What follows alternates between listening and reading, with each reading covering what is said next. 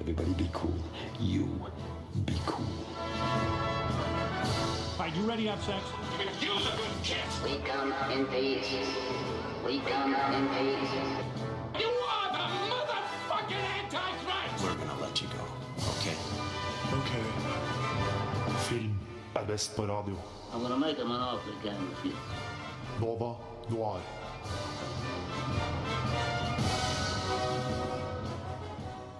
God torsdag, alle sammen der ute som har skrudd på radioen, eller After the Fact på Spotify eller SoundCloud eller hva enn du bruker for å høre på podkast. Mitt navn er Tagi Rivas Tollefsen, og i dag, dere, er det en eh, hva skal vi kalle det, en gruppeterapi, fordi at vi Det har blitt til det. vi i Nova Noir, uh, jeg heter Tage, så har jeg med meg Oda Krüger, og så Ludvig Viltil. What's Hallo. up? Og så har vi på teknikk, aka The Mixboard, Ina Sletten. Uh, jo, for det som har skjedd, er at vi har liksom blitt kanskje litt lei av temasendinger. Eller bare tenkte å bare mikse det opp litt. Så vi hadde en liten prosess hvor vi tenkte at vi skulle se på våre watchlist-filmer på Letterboxd. Men så ødela du den planen, Ludvig, ved at du ikke har ført opp noen ting på din watchlist. Lovløst. Japp. Så da ble det til at vi har eh, anbefalt hverandre en film som de andre to ikke har sett, men som vi selv har sett, som vi mener at den her, den her må alle se. Eller i hvert fall er det tanken. Det var tanken bak. Ja. Men uh, Oda, bare for å liksom wine it back litt før vi hopper inn i festiviteten. Hva har du sett siden sist? Å, sett siden sist! Jeg hadde helt glemt. Um, jeg har faktisk sett veldig mye Disney siden sist. For jeg har vært uh, på besøk hos min far. Ikke én, men to ganger siden sist jeg var på sending. Og der har jeg to småsøsken. Uh, så vi har jobbet oss gjennom alle de klassiske uh, Disney, animerte Disney-filmene. Eh, og også sett på et par av de nye. Så blant annet så, så vi den originale Aladdin, som kom ut i 1992. Og den nye remaken av Aladdin, som kom ut i 2020. Det var det 2019. Jeg tror 2019. Ja, 2019. Noe sånt. Eh, altså, den nyeste Aladdin, den er jo Altså, det er jo hatkriminalitet mot alle som elsker film. Det mener jeg. Fordi eh, Jafar er jo en helt fantastisk skurk. Eh, Jafar i den originale Aladdin. Han er sånn, der, han er sånn høy, litt sånn Rasputin-aktig, ekkel fyr som eh, Litt kjekk også, kanskje. Jeg vet ikke, jeg har tenkt mye på han siden jeg så den animerte filmen. Men eh, han er jo en helt perfekt skurk, fordi han jobber som sånn right hand man for sultanen. Eh, så han har en motivasjon til å ville ta over. Eh, han er en gammel mann, ikke sant? så liksom, vi skjønner at her har han vært i, i mange mange år. Mens i remaken så er han bare en ung, kjekk fyr. Som jeg vet ikke, jeg må sikkert vært der et par år. da Han er jo i 20-åra. Jeg skjønner ikke, Da mister han plutselig all motivasjon til å ville ta over for sultanen. Ja. Jeg hadde tenkt på dette mer enn jeg trodde, hører jeg nå. Når jeg begynte å snakke om det. Jeg syns den bare var veldig forglemmelig. Jeg. Ja. Jeg husker ikke Jafar, jeg husker ikke skuespilleren. Han, han var liksom litt statist, kanskje. Ja. Kjedelig. kjedelig, kjedelig. Kjedelig. Hva med deg, Ludvig? Eh, jeg har ikke sett noe annet enn eh, det vi skal prate om, men jeg har eh, sett, uh, som jeg går inn og gjør noen ganger, det er å se Har dere hørt om Jupiter Ascending? Den der Ja. Wachowski-filmen? Oh, ja. Forferdelig kjedelig film. og utrolig dårlig, bortsett fra uh, Eddie Redmayne. Og i den filmen så elsker Men unnskyld meg, er ikke han veldig rar i den? Jo, og det er det som er fantastisk. Han, han er så dårlig. Det, det han vant jo Strawberry Award. Ja. Og dette er jo kanskje den mest fortjente Strawberry Awarden noensinne. Og så snakker han sånn gjennom hele filmen. Bortsett fra de gangene hvor han plutselig bryter ut i eh, sånne sinne, sinne Får sånne ekstreme sinneutbrudd.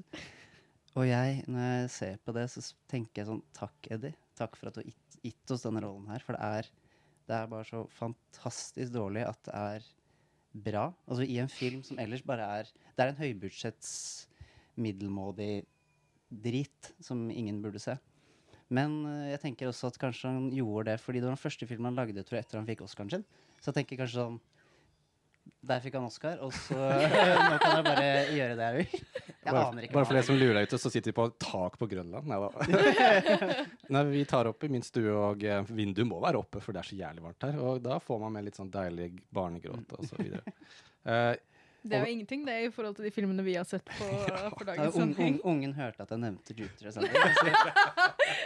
Ja, han, ble, han- vet uh, at det der, det er å grine over. Uh, jeg var faktisk på kino uh, oh my God, i går. Nei, forrige års. For det var uh, Vega kino åpnet igjen. Praise the Lord. Og de har sånn eh, mandagstilbud. 100 kroner for en kino. Så jeg var også Sound of Metal, som jeg har gledet meg til å se på kino. For jeg har liksom tenkt Det er liksom en av de filmene jeg har mest lyst til å se i 2020. Og så rakk jeg ikke å se den før det stengte ned.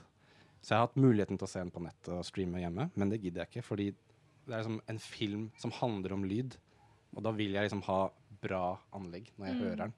Og eh, det var worth the wait, for å si det sånn. Uh, en film som handler om en uh, trommis som plutselig mister hørselen. Og så handler det om hvordan han dealer med Altså å gå fra bokstavelig talt 100% hørsel til kanskje 20 uh, Og det bare er en fantastisk film. Hvordan var det å se den filmen for deg som driver med lyd? Uh, veldig kult, men jeg, jeg merka at det å plutselig miste hørselen helt, og bli liksom fanga i sånn der, en verden hvor det bare høres sånn det er veldig sånn Alt er bare sånn lav, Dempet? dempet og lavfrekvent, og du hører så vidt bare bass, og alt er borte. Og så tenker jeg at det her er mitt verste mareritt. Mm. Og eh, det er en litt lengre sekvens når han først på en måte mister hørselen sin, hvor du er liksom i ørene hans, i hodet hans. Og det varer kanskje bare sånn tre-fire minutter, men jeg var sånn Get me out of here! Jeg fikk liksom sånn nesten yeah. panikkanfall, følte jeg, i kinoen, for det var så ekkelt og jævlig. Og uh, det er en film som jeg skrev på Letterboxd. Man må se den på kino, fordi Eller med headset, fordi Ja. du skal liksom bli fanga i hans hode da, for å få den fulle opplevelsen. Men det var euforisk å være på kino igjen. Det var det. Vi er så Um, glad på dine vegne. ja. Bare get out there, folkens. Vi vet alle når det stenger igjen. Benytt, benytt sjansen. Hva, hva var den der eh, Vet vi alle det? Har- vet du- Nei, vi vet aldri. Vi vet aldri når det stenger. Jeg trodde du sa alle, vet det.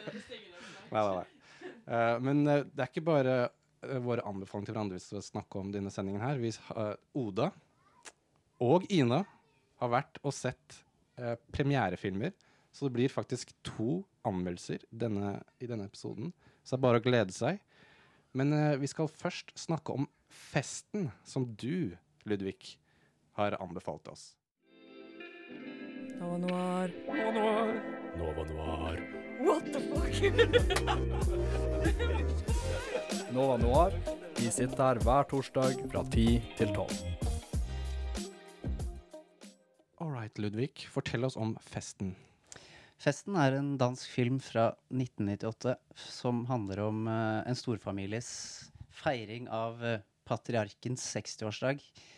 Uh, og den festen får jo en litt sånn uh, bisarr vending når uh, sønnen Christian skal holde en tale, og han holder flere taler, men i den første talen så kommer det allerede frem at han har voldtatt han da han var liten. Og dette er sånn som skjer i starten, og dette sier han sånn rett ut. Uh, og man kan jo tenke seg hva som eh, skjer etterpå, og, og et av Men kan man det? de, eller hva som burde skje etterpå. Og det jeg reagerer mest på, er at det som burde skje, skjer ikke i det hele tatt. Det er jo eh, at resten av familien later jo som. De spiller jo en slags sånn rolle eh, En slags sånn keeping up appearances-rolle som er litt uh, Som er litt på en måte eh, kjørt framover av at kokken på festen sørger for at alle gjestene eh, blir tvunget til å være på stedet. Sånn at han Christian får sagt det han skal, da. Uh, og ja, dere to hadde jo ikke sett den. Uh, og hva syns dere? Hvis, hva visste dere om den på forhånd, er kanskje et uh, bedre spørsmål. Ja.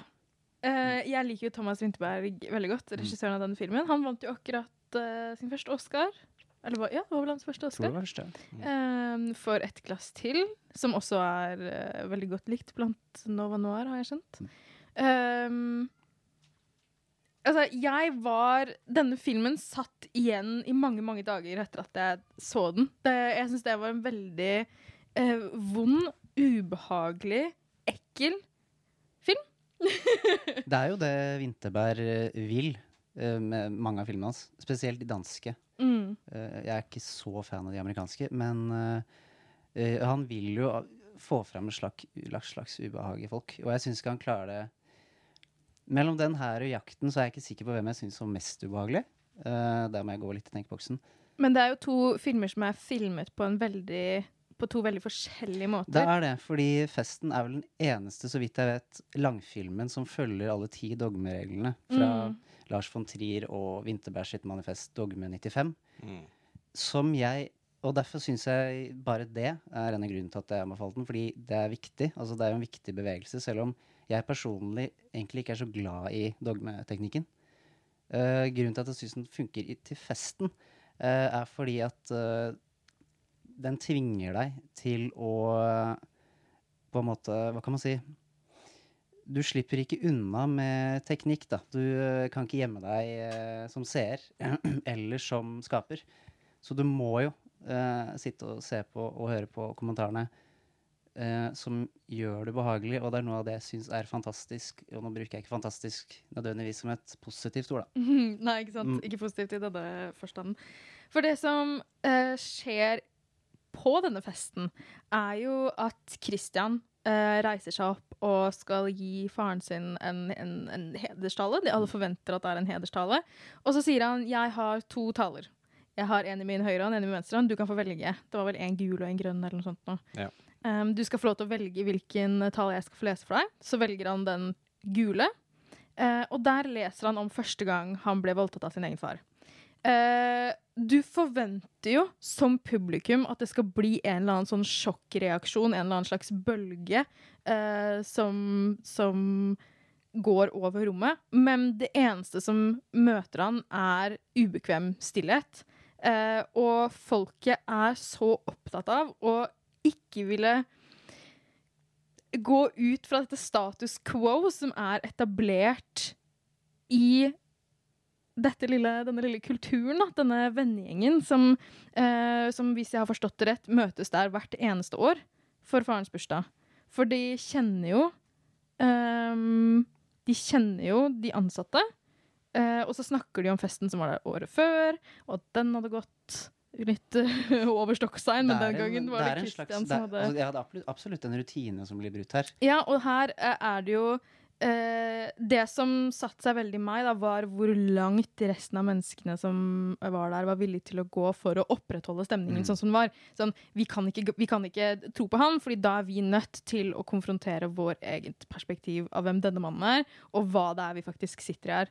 Og det, var, og det er grunnen til at jeg følte at dogmemetoden eh, skinte så godt da, i denne situasjonen. Fordi det føltes nesten ut som at vi ser på en sånn home video, som noen som har filma på, på eh, kamera, at vi ser opp igjen noe som faktisk har, har skjedd. Jeg er helt enig, Ode, og det var det jeg liksom prøvde å komme frem til. At eh, eh, jeg eh, elsker filmen eh, sånn teknisk på tross av at jeg ikke egentlig er så glad i den måten å lage film på. Mm.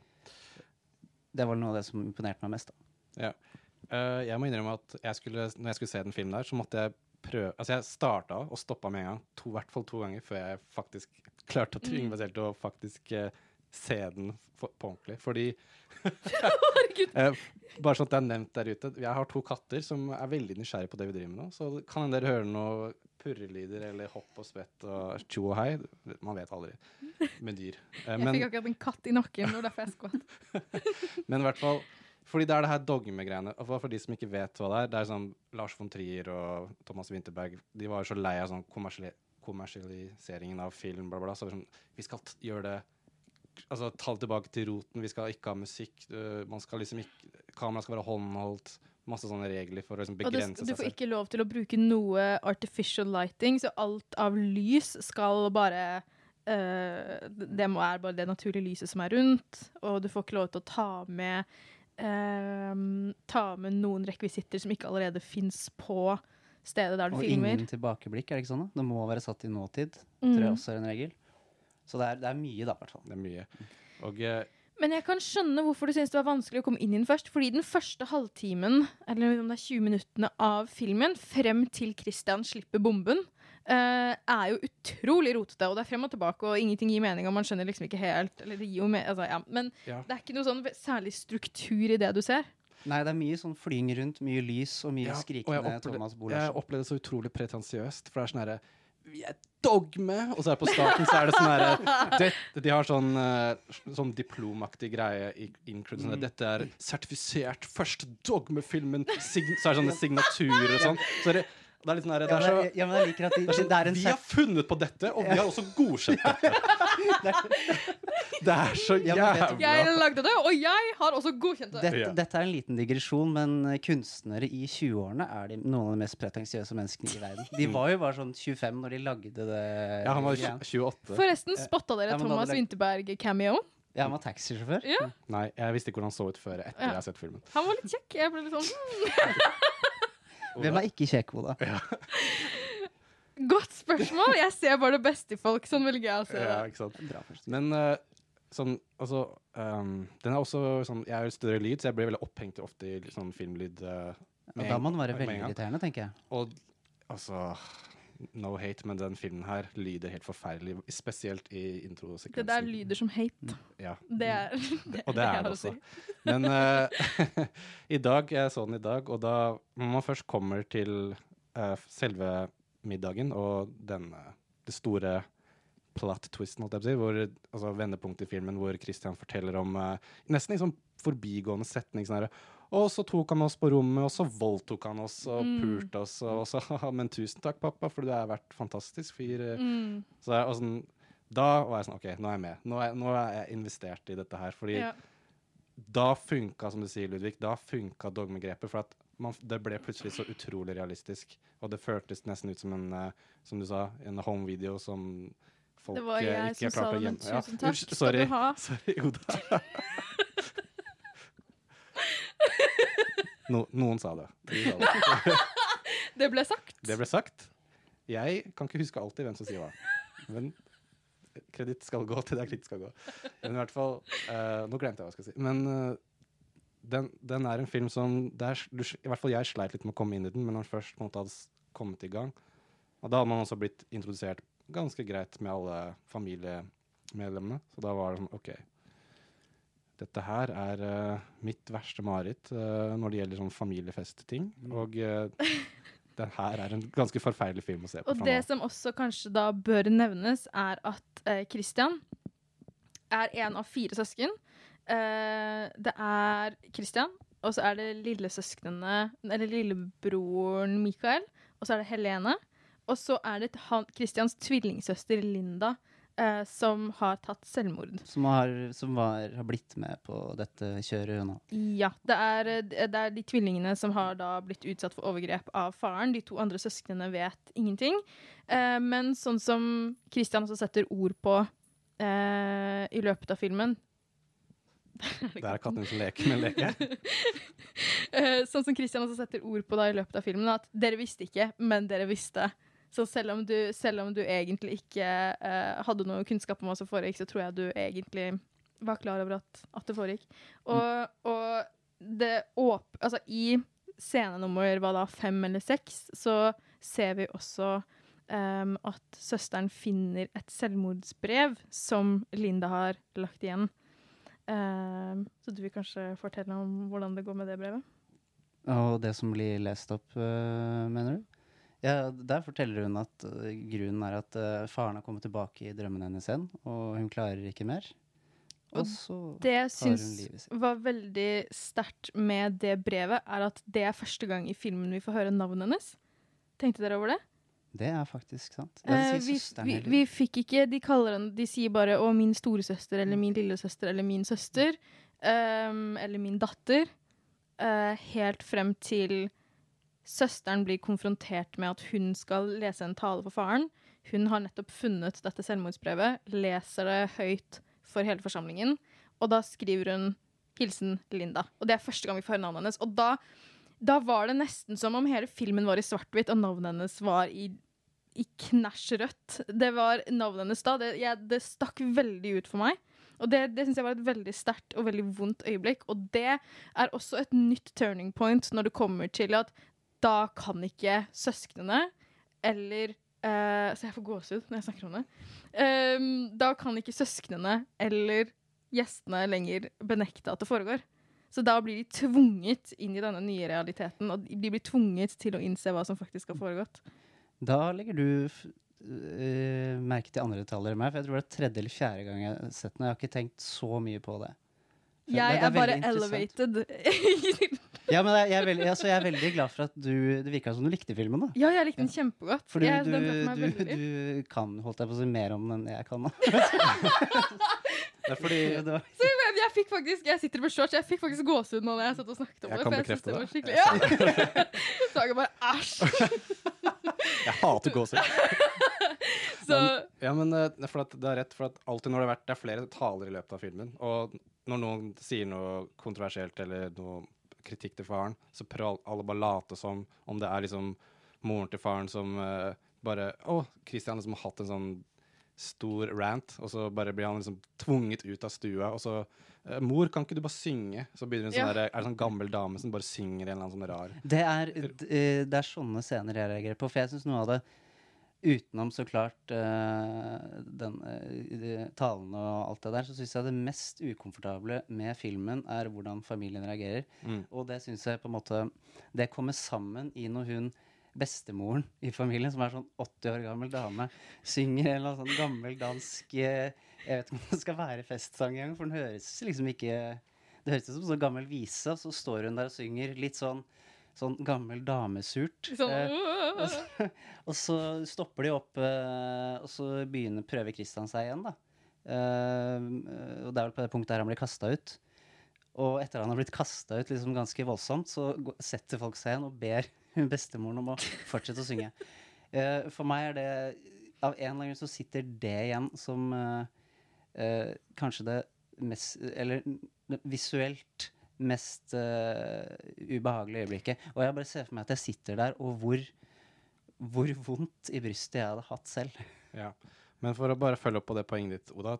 For at alltid når det har vært en sånn uh, outburst, så prøver liksom familien bare, la, bare ignorere det som har skjedd. Men etter den talen med selvmordsbrevet til uh, eh, datteren, da er liksom skal faren sånn Å, gi portvin til datteren min, så jeg kan skåle med henne. For han bare prøver å fortsette å late som, men så er det liksom ingen som Da er det sånn første gang folk bare ikke hører på han og ikke er med på det derre Og det, og, det, skuespillet. ja, og det var en annen ting jeg tenkte over, at det er nesten en slags klassekamp mellom overklassen og arbeidsklassen i denne filmen. Mm. Fordi her har vi overklassen, som er da disse eh, ri- rike, polert Derfor jeg bare hører noen bjeller i ja. bakgrunnen. Da har vi, vi har på en måte overklassen, som er disse rike foreldrene som har leid en helt sånn herskapsgård for å, for å feire 60-årsdagen. Eh, og alle gjestene. Og så har vi bak kulissene Der har vi kokken, vi har servitørene, vi har kelnerne. Um, og da går jo også de i opposisjon. Kokken han er jo en kjempegod Han jo, må jo være verdens beste venn mot Christian. Han pusher Christian og sier 'du kan ikke gi opp bare fordi de har kastet deg ut nå'. Nå får jeg gåsehud igjen. Men han er sånn 'du kan ikke gi opp nå bare fordi du har blitt kastet ut'. Faren din han kommer til å gjøre som han alltid har gjort, og han kommer til å vinne. Så du kan ikke la han vinne. Ehm, og i den scenen, når han da sier 'jeg vil skåle med, med datteren min', da stopper servitørene. De står inntil veggen, og de nekter å, å servere. Det syns jeg også var et veldig interessant uh, aspekt. Ja, han eh, kokken er jo en viktig Han mobiliserer folk til å holde seg der òg, Ved å stjele nøkkelen deres og sånn. Uh, og ja, jeg, jeg ble bare litt uh, veldig imponert av uh, hvor mye dere har tenkt på det. Spesielt du, Oda. For du har liksom kommet med masse ting jeg ikke har tenkt på. Eller ikke tenkt uh, så sterkt over før, da. Så det er jo det er en grunn til at hver gang jeg anbefaler folk å se den filmen, er ikke nødvendigvis for at Jo, litt for at de skal ha det ubehagelig, men det er liksom en men Du syns jeg har likt den litt for mye? men det er en uh, jeg, men- Mission failed fra Ludvig sin side. Men hver gang jeg sier at folk uh, burde se den selv uh, For jeg har litt anbefalt den noen ganger. Også for de som vet sånn halvveis hva det dreier seg om, så er det mange som ikke har lyst. Og det skjønner man jo. Mm. Og, men da er det også vanskelig å anbefale si videre uten å, uten ødelegge den. For jeg så på et sånn tilbakeblikksintervju med Thomas Winterberg i stad, før dere dukka opp. Og da snakket han om at når de hadde liksom, de brukte sånn seks måneder på å klippe den, kanskje syv, og det er veldig lenge å klippe en film. Og når de, han og jeg tror det var produsenten så på den når den var sånn ferdig, så var det sånn Ja, vi faila. Fordi folk hadde liksom sagt, eh, når de pitcha ideen, at det er ingen som har lyst til å se på det her. Det er Ja. barneovergrep osv. Ingen er interessert i det her. Liksom, de fortalte ikke til med statistene hva filmen egentlig handla om, fordi de tenkte at hvis vi forteller det, så kommer de bare til å stikke av eller gidder ikke å være med. Så, men de sendte den inn til Cannes, Og så plutselig fikk de liksom Ja, tommel opp. Dere er med i sånn den derre gull Nominerte Gullpalmen, bla, bla, bla. Palme eller ja. Ja. Og når filmen var ferdig, uh, så fort, forteller han at når filmen var ferdig, så var det sånn åtte minutters stående applaus, og liksom hele rommet bare eksploderte. Og de bare liksom gikk til slutt ut av rommet fordi de liksom orka ikke applausen lenger. Ble liksom Det ble for mye. ja, ble for mye. Og det, det var sånn her Det var først da de skjønte at OK, vi fikk til det vi prøvde på, da. Men det er jo et helt genialt konsept. Få mennesker til et sted. Fjern muligheten deres til å dra, som de gjorde ved å stjele bilnøklene deres. Så de er stuck der ute i ingenmannsland. Uh, og så konfronter dem med en sannhet de ikke har lyst til å innse, og hold dem der til, til det blir kaos, liksom. Og det er jo akkurat det de gjør. Og det er jo akkurat det de oppnår. Det er jo et genialt, altså Når du koker det ned til det, så er det et veldig enkelt premiss, som også er så genialt. Og så liker jeg at uh, kaoset ikke blir sånn Hva kan man kalle det? Sånn Hollywood-kaos. Mm. Det blir liksom litt mer Fordi jeg tror veldig mange mennesker, inkludert meg selv, kunne fort vært en som bare satt der og så på, og vært Jeg tror jeg hadde vært helt uh, Jeg tror jeg hadde blitt lamslått på en eller annen måte hvis jeg skulle tenke sett på meg selv i den situasjonen. Men jeg tror ikke Jeg vet ikke om jeg ville vært realistisk sett førstemann til å være den som ropte, liksom. Mm. Og det er jo det som er så vondt med det, er at noe av det verste du kan oppleve, noe av det største sviket du kan oppleve, er jo overgrep, og overgrep fra en person som egentlig er der for å passe på deg. Men hakket over det, forbi det igjen, da, så er det jo at du også blir sveket i form av at du ikke blir trodd, og så ikke blir støttet av de folkene som egentlig skal og burde vært der og støtta deg. Så det at hele rommet faller i stillhet når han forteller om dette, og at de heller vil bare liksom, ignorere det og gå videre med festen i stedet for uh, å ta hans side, det må jo være noe av det vondeste et menneske kan oppleve. Absolutt.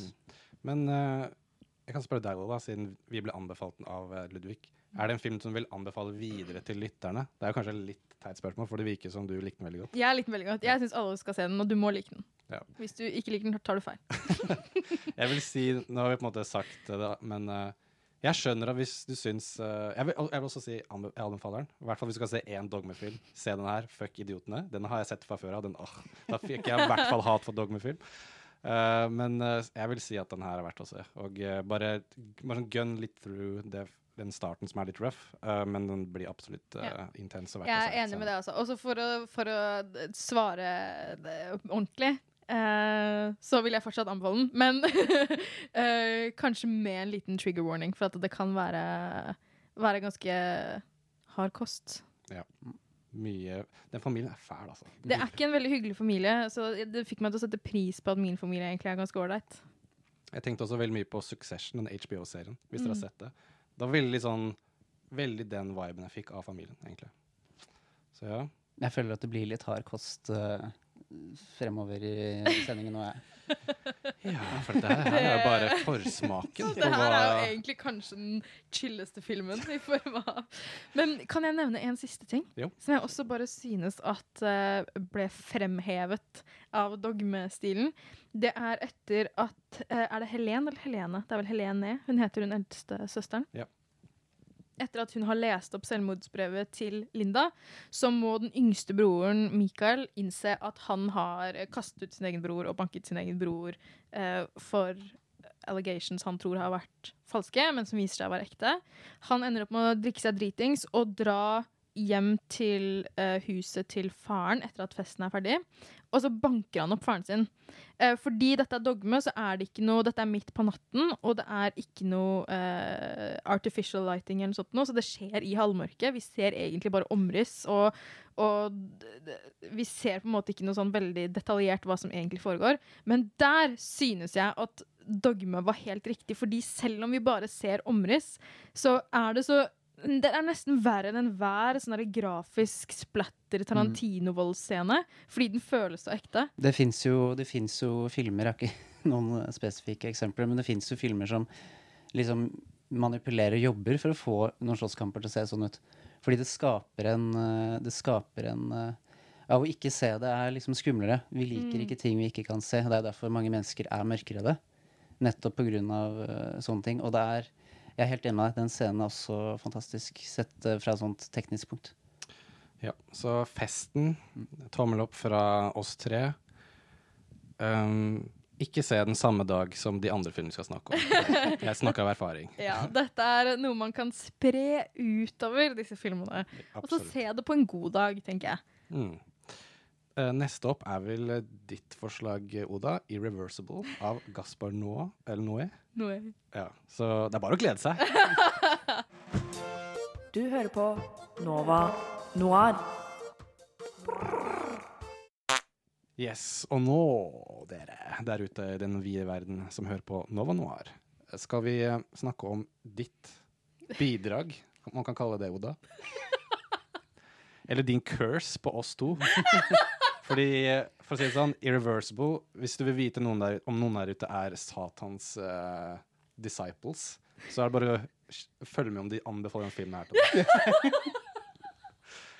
Ja, så fra en, eh, en disciple to another. Yeah. Her kommer eh, beskrivelsen. Jeg har skrevet en veldig kort beskrivelse her av filmen. Fordi plottet i seg selv er jo ikke veldig komplisert.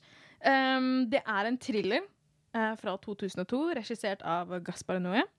Den er både filmet, regissert og skrevet av Gaspar Noé. Han fikk bare hjelp til lyssetting faktisk, under filmingen. Eh, Filmen følger to menn som heter Marcus og Pierre, eh, som er ute på hevntokt etter at Marcus' kjæreste Alex har blitt brutalt banket og voldtatt av en pimp med navn Latenia. Filmen leker med publikums persepsjon av tid og kontekst gjennom sin omvendt kronologisk kronologiske struktur. Så det som skjer i denne filmen, er at det første vi ser, er den siste scenen i filmen. Og hver eh, overgang fra en scene til en annen er bare kamera som går opp i et lys og snurrer, eller går inn i en vegg og ut en annen vegg, til vi kommer til en ny scene, som er scenen som kronologisk burde vært før scenen som var før. Så OK, for det første så vil jeg bare si beklager for, for alt jeg har utsatt dere for gjennom å anbefale denne filmen.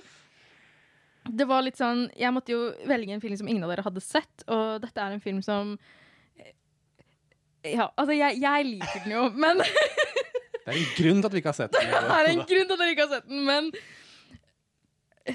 Jeg vet ikke hvordan jeg skal forsvare meg selv i denne situasjonen, men, Jeg- men det er en veldig fascinerende film, synes jeg, av den omvendt kronologiske rekkefølgen, som jeg personlig mener er så utnyttet på best mulig måte i denne filmen i forhold til f.eks. Memento av Christopher Nolan. Eh, nå vet jeg at jeg liksom bæsjer på eh, Christopher Nolan hver eneste gang jeg har en sending. Det er ikke meningen, for jeg liker Memento. Men denne filmen brukte uh, måten vi ser karakterene og konteksten på, på en sånn spesiell måte ved å spille den baklengs. Da. Så jeg er nysgjerrig på For det første, hva var førsteinntrykket deres av filmen? Hva var sånn førsteimpulsen når dere så den? Og så jeg, er jeg litt nysgjerrig på hva dere føler at eh, kronologien gjorde med måten dere så filmen på. Um, altså, jeg hadde jo Jeg har lenge hatt den her på min watchlist fordi um, jeg fulgte en av sånne, en av sånne fun fact eh, som jeg, føl, som jeg føl, fulgte, eller følger, som uh, hadde en sånn eh, fun fact som noe à la Og i Irreversible så er det en sånn lavfrekvent 30 hertz uh, sånn lyd som er liksom den samme ved Som er den samme ved jordskjelv som liksom de la inn i filmen for å gjøre folk kvalme. Og det var liksom Mm. masse folk som eh, gikk ut av salen på premieren i Cannes. eh, Nettopp på grunn av det. da.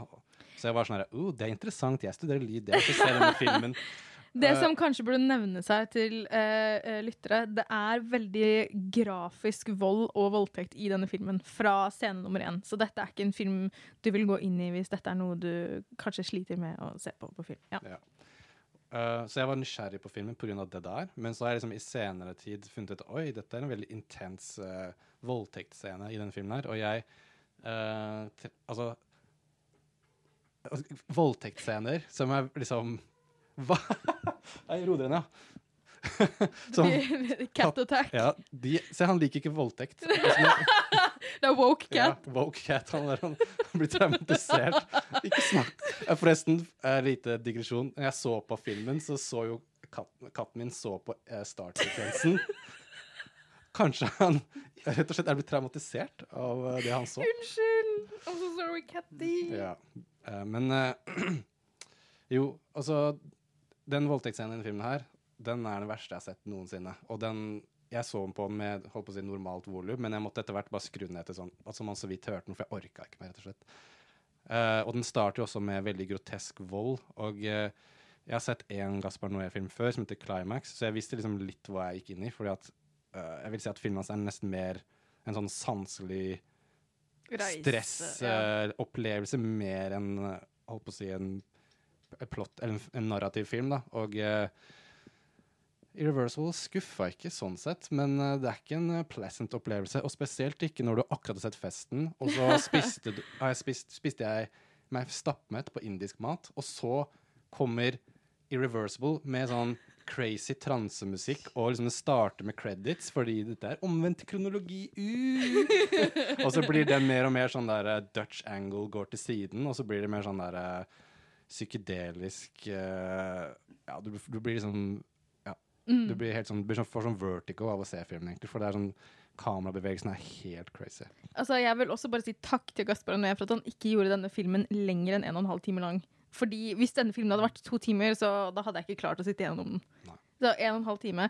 Det som er litt morsomt, er at første gang jeg så denne filmen, så så jeg Porco Rosso av Hayao Miyazaki uh, for første gang rett før. Uh, og de filmene var akkurat like lange. Én minutt og én minutt, faktisk. En time og 30 En time og 33 minutter, begge to. De er nøyaktig like lange på minuttet. Det var min uh, fun fact. Vær så god. uh, nei, altså Førsteinntrykket, det er jo uh, Det skjønner vel folk hva er nå. Uh, det er jo denne grusomme scenen. Men kanskje noen vil fortelle hva det er som skjer i første scene?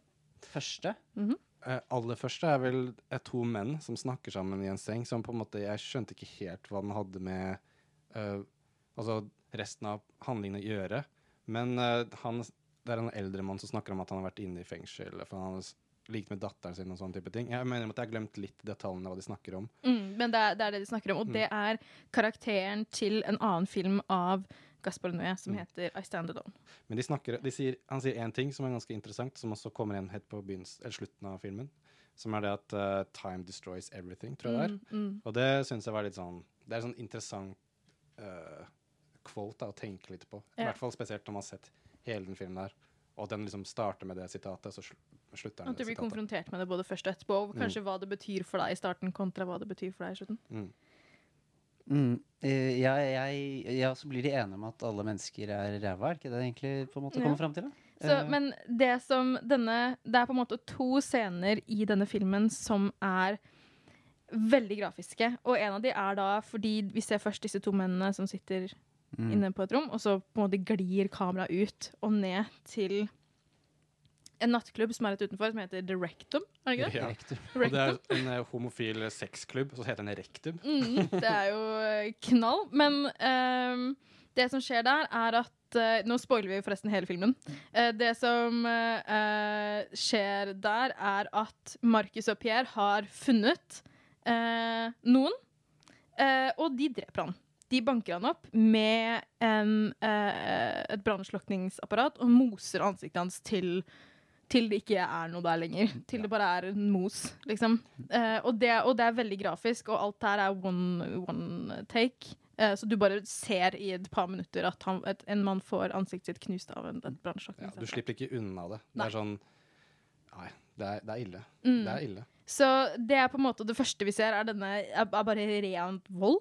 Eh, og da Det som er litt interessant, er at vi har jo ikke noe kontekst. Så vi vet jo ikke hvem vi heier på i denne situasjonen. Heier vi på mannen som blir drept, eller heier vi på eh, Marcus og Pierre? Eh, så følger vi der, derifra historien bakover, eh, og hva de har gjort tidligere den kvelden. Ja, og øh, skal vi prate om det så da nå, eller kan jeg bare hoppe litt hvor jeg vil? Hopp litt hvor du vil. Ja, fordi vi finner ut at uh, kanskje Pierre og Markus er litt øh, Litt i hvert fall hyggeligere mennesker enn det de, enn det de øh, på en måte viser seg å være på starten. Men det farger også blikket, fordi det er det første vi ser dem som, er øh, Det er vel Pierre som banker opp denne feil fyr Mm. sådan, med, med brannslukningsapparatet. Og, og Markus ligger der. De har kommet inn og slunget jævla mye homofobe begreper. Egentlig bare vært pikker, begge to. De eh, Aggressive, De, eh, sinte. Hadde jeg ikke visst at uh, Cassell var en av hovedrollene, så hadde jeg kanskje trodd at de var skurker. Mm. i, i den scenen. Uh, Helt enig, eller, Biggie? men uh, Og noe med noe med at jeg syns den scenen inne på Rektum var en av de mer interessante filmscenene jeg har sett fra et sånt uh, uh, teknisk ståsted. For jeg, det er noe av det mest stressende jeg har sett, sånn uh, kameramessig. For det er vel ikke, det, ja, som du sa, det er vel ikke noe klipp inni der. Nei. Og så, som du sier, det er veldig mye sånn rundt og rundt-filming. De driver løper rundt skuespillerne hele tiden med et håndholdt kamera. Og så er det noe med den stressende psykedeliske musikken som er spesielt i den første halvdelen av filmen, og spesielt i den første uh, scenen, som eh, Og musikken er eh, for øvrig lagd av Thomas Bangalter, som er den ene halvdelen av Daft Punk, som jeg syns er litt, litt, litt random. Veldig. Kanskje uten han andre, så er han egentlig en skikkelig dyster, dystert fyr. Men Mørk, mørk mann. Han har lagd for mye happy musikk, så han må ha noen sånne crazy ja, ja. stressgreier til siden av. Ja, øh, men i hvert fall utenom øh, det opplagte, kjempegrafiske og forferdelige i, i filmen, så syns jeg det var en veldig interessant film. Og når jeg liksom øh, hadde tenkt, kommet på å tenke litt og blitt kvitt de liksom verste tankene, så øh, var jeg litt sånn Det første jeg var likte jeg den, likte jeg den ikke. Jeg kom fram til at jeg, altså, jeg, lik, likte den godt, men Nei, jeg vet ikke om det er noen menn heller. Jeg sliter veldig mye med å prate om filmen. Jeg bare vet at det var flere ting jeg likte der. Og så husker jeg så så den veldig rød ut. det, det, så var rødt filter hele tiden. Den var veldig rød. Jeg tror egentlig nesten alle filmene hans er veldig røde. Ja, men det er, Climax er også veldig rød. Mm. Sånn rødt skjær over seg. Så han tror han liker den fargen for å liksom, Men- bidra til den Men i likhet med, med Vinterbær òg, så er det jo helt opplagt at uh, Noé vil ha en Om det er ikke ube, sikkert ubehag, men han vil i hvert fall ha en, en eller annen reaksjon av deg. Koste hva det koste vil, virker det nesten som. Ja. For det er vanskelig å se den filmen her og liksom tenke Hvis du liksom ser Rushable, så bare Jeg glemmer den i morgen. det er Ja, liksom, ja, da, da, da tror jeg du har noe problem selv. Altså. det er, Ja, det er en film som uh, stick to you, for å si det sånn. Um, nei, jeg syns også at det som gjorde den verdt å se, selv om det kunne fort blitt en gimmick med den der omvendte kronologien, Uh, jeg syns det grepet jo, gjorde at den ble i hvert fall interessant å se på, enn at det ikke bare ble sånn der eh, feel bad tortur, basically. Fordi uh, det er jo Hva heter kompisen igjen? Uh, Pierre. Pierre. Det er jo han som faktisk er den med brannslukningsapparatet som Mm. moser hodet til han fyren. Og han er på en måte Det du ser da når du går lenger, liksom, hopper til liksom starten av filmen gradvis, er at han er egentlig den derre ansvarlige fyren. Han som på en måte prøver å roe ned uh, Markus. Markus. Han som prøver å deeskalere situasjonen. Mm. Og, det, og det at han er den som ender opp med å bare på en måte ta alt uh, ut. Ja, ta alt det der raseriet ut og drepe uh, voldtektsmannen. Men så får du også vite, når du nesten er helt i på en måte, siste scene i filmen, at han var sammen med Alex før Markus, så de begge har hatt henne som kjæreste. Mm. Uh, det gjorde det også ganske sånn interessant. Og, og det, det, det, at de, det at du på en måte eh, analyserer scenen du ser på, i kontekst av den som akkurat vært før, det, det er liksom åpenbart skrevet slik, og liksom, det gir mening, og det gir på en måte hver scene liksom noe ekstra juice. da.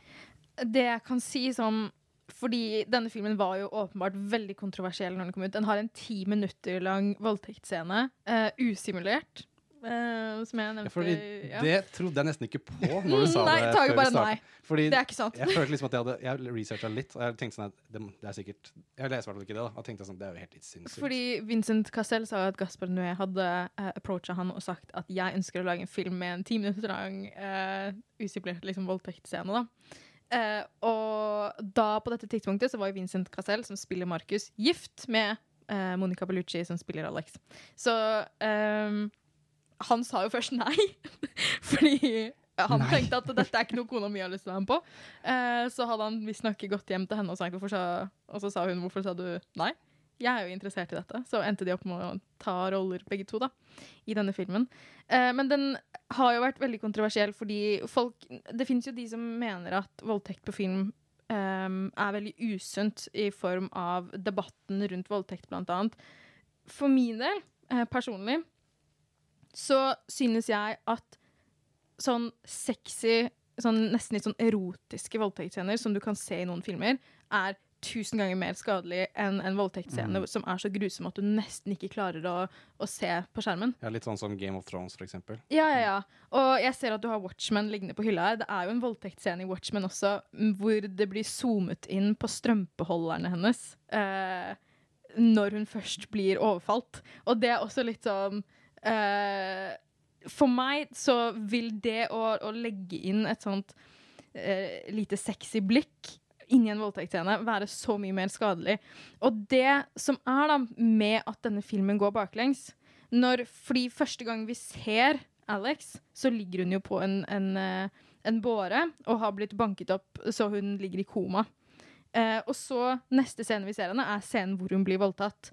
Og det som skjer, da, er at når første gang vi ser henne, at hun da er eh, banket opp og skadet, og i neste scene så blir hun voldtatt, så blir det sånn at i scenen etter der igjen, når vi, når vi ser hennes reise til dette punktet, så blir eh, tingene som blir sagt til henne, betyr plutselig noe helt annet. Så når, når de tre vennene, Marcus, Pierre og Alex, sitter på toget, og de driver og, og har litt sånn sleazy vitser og kødder om sex, og hun er litt ukomfortabel og prøver å få dem til å stoppe, da p betyr det plutselig noe helt annet. Da sitter vi der og er så ukomfortable på Alex sine Ja, vegne. de, man sitter og liksom sier sånn stopp, stopp, stopp. stopp, stopp. Mm -hmm. Ja, fordi det er jo, for de, snak, de snakker jo om at, eh, at eh, han første kjæresten, Pierre, at han var altfor sånn uselvisk når de hadde sex sammen. At uh, han var for fokusert på hennes pleasure, og det gjorde at han ble sånn statako-stiv. Og hun sa sånn du må liksom, Det du må gjøre som er riktig, er å fokusere på din egen eh, nytelse, bla, bla, bla, for da føler jeg Hvis jeg kjenner at du nyter det, så nyter jeg det. Mm. Og så da tenker du på at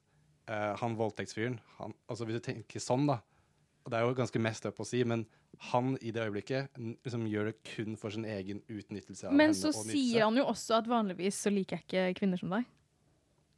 Ja, stamp, sen, ja, ja. Fordi han er jo egentlig homofil. Mm, ja. Så han gjør, det jo, han gjør det jo på en måte som et slags sånn hatuttrykk. Uh, mm -hmm. For han sier også sånn derre Å, du er så vakker, du tror det er så mye bedre, og så her skal du få Så bare liksom banker henne Mm. brutalt opp. Og- så og det det er ganske Det er ganske Altså, det er en underdrivelse å si at det er helt for jævlig å se på. For at, som du sa også, man ser henne i scenen før på en båre, og hun har masse helt mørbanka. Så når hun blir voldtatt i liksom, den sexen, så vet du at dette her er helt forferdelig, men hun skal snart bli banka opp i Mm, tillegg. det blir liksom eh, mer ekstremt. Og det som også er da, at eh, i scenene før det også, når vi ser dem på festen, og vi ser dem på vei til festen, da, da, da, så ser vi også at menn sjekker henne opp, og hun avviser dem, og hun danser seg bort. Og av en eller annen grunn så ble jeg litt sånn derre Når jeg ser det etter at jeg har sett denne voldtektsscenen, så begynte jeg å tenke på at dette er en risiko som veldig mange kvinner uh, går i møte i hverdagen uansett. Sånn, hun, når hun blir voldtatt, så blir hun voldtatt i en undergang uh, fordi hun er på vei til trikken, eller hva det er for noe. Uh, og der er det en dame som sier til henne Nei, take the underpass, it's safer. Og bare Det blir satt så i denne konteksten av at dette er en frykt som veldig mange kvinner generelt har når de går hjem fra fest. Kan jeg bare si bare, sorry, en, en liten detalj i den voldtektsscenen som gjorde det ti ganger verre, også for meg, var at helt i starten, når det på en måte er liksom i gang, så ser man sånn i det fjerne i den der underpassen at noen går forbi og liksom reagerer ikke i det hele tatt. Mm. Og det bare er sånn, ah, fy faen. Dette, Mhm. dette her, Han står- han står man i bakgrunnen. Ja, man har et sånt lite håp om at At det skal komme, for, denne personen ja, skal hjelpe. For at jeg som tilskuer var sånn, «Åh, kan ikke, for at det er et veldig sånn offentlig sted, kan ikke noen bare komme forbi og hjelpe til? Og så er det noen som faktisk går forbi, men, gjør men, ingenting. Men jeg tror den personen snur og går tilbake. Mm. Eller noe sånt. Ja. Du, du ser, ja, jeg ser det, er bare ikke, det er ikke fokus heller. Og så er det kanskje verdt å nevne at det er et one take og, u- hvor ingenting skjer. Mm. Ikke klipp, ikke flytting på kamera. Det er bare Ja. ekkel flue på veggen. eh. Mhm. Og så Du føler deg så hjelpeløs som publikum veldig. også, for du må, bare, du må bare sitte og se at det skjer.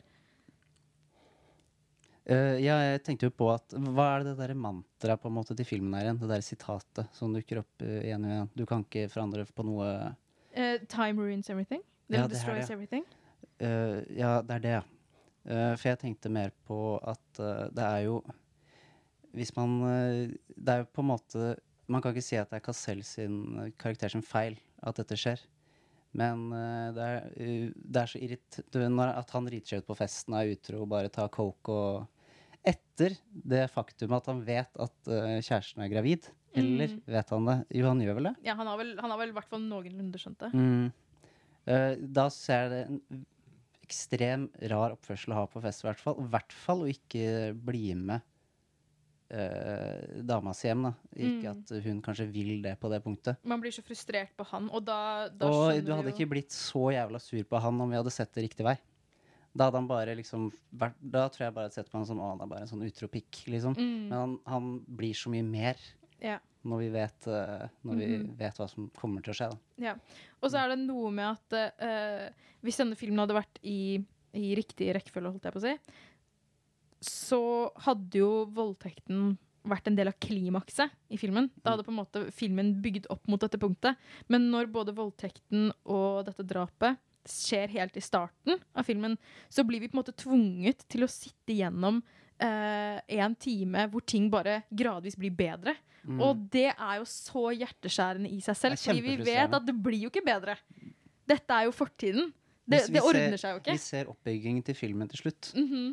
Eh, og, det, uh, og det som både gjorde, at det funka for meg, og ikke er at uh, jeg hadde så utrolig høyt adrenalin når den Mm. siste delen, altså oppbygningen, da, hvis man kan kalle det er i filmen, så det var mye jeg liksom ikke fikk med meg av dialogen. Og fordi jeg, jeg hadde allerede begynt å Hjernen var liksom litt for godt i gang. Så sånn sett så funka ikke det oppsettet for meg. Men når det er sagt, så spurte jeg liksom litt tilbake og så liksom kronologisk starten igjen. da. Og som du sier, du blir så ekstremt øh, Det er jo bare trist å se at Mm. ting blir bedre. Spesielt når vi da finner ut til slutt at disse har jo ikke tatt riktig fyr.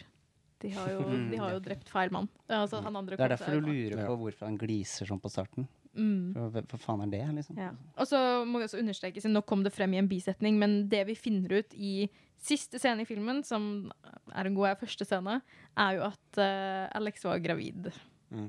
Og det følte jeg litt var sånn her ah, Kom igjen, da. Ja, helt enig. Det er helt enig. Hvorfor må du gjøre henne gravid i tillegg til alt det andre jævlig drittet som har skjedd med henne? Jeg, jeg er helt enig. Det følte jeg sånn Jeg følte at det var sånn litt over the top. Sånn, du hadde ikke, det hadde vært like jævlig uansett om hun hadde vært gravid eller ikke. Og så begynte jeg å tenke at det kanskje har noe med tid å gjøre. Dette med et nytt liv og tid og da, da, da, da, da. Mm, kan være. Men, Men i hvert fall jeg personlig var litt sånn der Jeg, jeg, jeg følte heller ikke at det trengtes. Nei. Nei. Men kanskje han har lyst til å sånn spice opp For at kanskje Mm. Altså, man, man kan si at den blir sånn litt sånn tam Eller også Vet ikke ordet Det er ganske riktig. tam film. Quote Tage. Nei, men det, for liksom bare ha en litt sånn der Sette litt sånn støkk i det helt på slutten også. Fordi at eh, fra og med voldtekten er ferdig, så måtte så deeskalere i hvert fall intensiteten en del. Mm. Så bare kanskje han tenkte at um, bare sånn adde det der også. Men bare for å gjøre mer- Litt mer jævlig. Men personlig så følte jeg ja, igjen at eh, det, den var så vond, den delen, fordi du tror det går Eller du, du Filmhjernen din, da, den delen av hjernen din som er vant til å analysere film, ser den jo på en måte i kronologisk rekkefølge. Så du må aktivt sitte og snu om perspektivet i hodet ditt. Og da er det sånn Nei, nei, det går jo ikke bra! Vi vet ikke hvordan det går. Fordi de har tatt feil før. Og, og, og. Mm. Hun hadde det så bra! Hun var så lykkelig. Hun var så vakker og flott. Og Jopp. Yep. Men uh, hvis vi skal holde på å si samle tankene litt, da um, Ludvig, er det her en film som du igjen vil anbefale videre? Uh, anbefale er et det er, Jeg trer varsomt her, altså, men uh, Altså, opplagt, hvis du ikke er uh, komfortabel på noen som helst måte med de temaene jeg prata om nå, så nei, nei, nei, nei. Absolutt ikke. Men det er bare på det, det grunnlaget der, sånn tematisk. Hvis det er noe man ikke klarer, så eh, ikke i det hele tatt. Men Mens hvis du er en av Satans disipler, sånn som meg, så er det bare å slenge deg på. Jeg kan slenge meg med Ja. som en disippel, jeg, altså. Fordi eh, fra et rent sånn filmatisk eh, ståsted syns jeg også det er eh, For jeg syns også bruken av, eh, av omvendt kronologi er mye mer markant, og kanskje til og med litt mer in interessant enn Memento. Mm. Og jeg liker også Memento veldig godt. Ja. Fordi Eh, i, i Memento så blir det jo brukt for å på en måte bla opp et mysterie. Sånn Mm. hvem har gjort dette? Mens i denne filmen så er det mer en emosjonell reise. Mm. Du blir på en måte tvunget inn i det. På, eh, Memento er på en måte hans syke som går bakover. Mm. Litt mer subtil, men her Jeg syns jeg kanskje Hvis jeg skulle sett en ny film som var sånn, så ville jeg kanskje heller gjort det Jeg likte at det var de brå overgangene og sånn, Mm. men det er bare meg, da. Så jo, jeg tror sånn fra sånn Er ikke bare bare det. Nei. Fra et filmatisk eh, perspektiv, så ja, altså eh, Så lenge du er eh, advart, så ja, da vil jeg anbefale å se den. Jeg vil kanskje reframe spørsmålet eller sånn, til meg selv. For at om jeg vil anbefale den videre det er sånn, Kanskje jeg vil si ja, men jeg vil alltid gi dere trigger, trigger warningen trigger warningen. først, ja. Fordi det, det er absolutt ikke noe lett uh, Jeg tror ikke dette er en film du skal bli kastet inn i på den måten. Liksom. Nei, du, man burde liksom vite litt hva man går til. Mhm. Og det var, eh, for å nevne sånn kan igjen, for at den her også ble vist der Jeg tror det var sånn 200 sånn, av 1200 som hadde gått ut av filmen. Og det var sånn her, det mest sånn herre walked Ja, ja, det- out-filmen det, Mm. året noensinne. Og jeg lurer på om det er sånn om det fins klipp på YouTube at en fyr står ute og filmer menneskene som kommer ut fra kinosalen. Folk bare skriker inn i kameraet sånn 'Det er det verste jeg har sett, da! Hva er det de gjør med Monica Bellucci?' For, for, jeg, for jeg lurer på hvordan det er å være på kino uten å vite noe på den. På kino, liksom. Ja, ja, på Skal vi se Liksom. denne på kinoen, gutta? Ja, kom igjen! Og jeg, også, Satan inviterer. og jeg tror også den der eh, Som jeg nevnte i starten av den samtalen her, den der, eh, den, liksom, den der lavfrekvente lyden som man putta inn bare for å liksom, gjøre folk kvalme, uh, den kjenner man mye mer i en kino med høyttalere som faktisk klarer liksom, mm. kjenner du nesten i brystet. Liksom. Du det får deg til å liksom, vibrere litt og gjøre deg faktisk fysisk kvalm. Og det er, liksom, det er litt interessant at han bevisst har lyst til å gi folk en veldig ubehagelig opplevelse.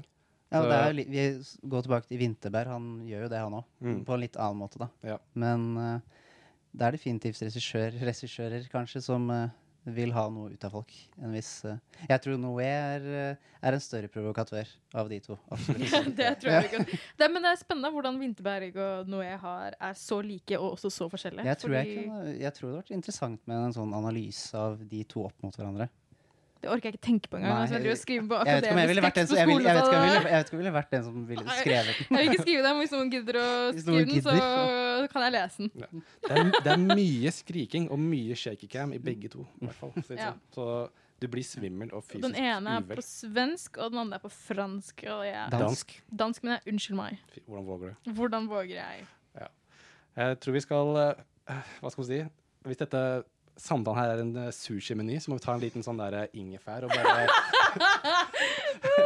uh, Cleanse our palate med Yes. litt uh, Litt sånn The Conjuring-anmeldelse fra Ina Sletten. Bare for, å, bare for å mikse det opp litt. Og så etter det så skal vi snakke mer om det jeg har lyst til å anbefale dere, som er Dogtooth. Stay tuned. Du Du hø hører På på Radio Nova. Ina, du, velkommen meg. inn i studio, forresten. Takk, takk. Jeg har sittet på bakrommet og ventet lenge. Ja.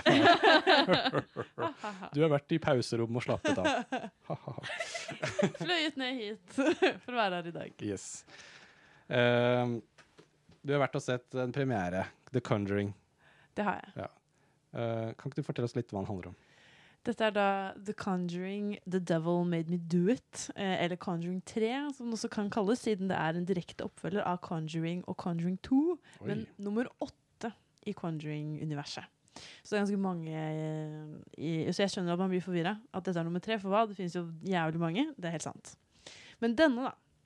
Eh, The Devil Made Me Do It uh, har en handling som er basert på den ekte historien om Arnie Jansen og den første rettssaken i USA som forsøkte å bruke demonisk besettelse som forklaring på gjerningsmannens handlinger. Uh, filmen følger det, det kjente ekteparet Ed og Lorraine Wa- Hva heter de? Warren? Warren? Warren, tror jeg. Warren eh, mens de forsøker Det er bra du har kontroll over Ja, taket. mm, det er godt. Kan alt om de. Noen må det. eh, mens de forsøker å finne håndfast bevis på Arnies uskyld.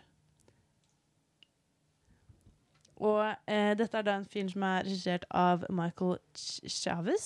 Eh, altså han som har laget en eh, The Curse of La Lorena, som er en, også en, en The Conjuring-film.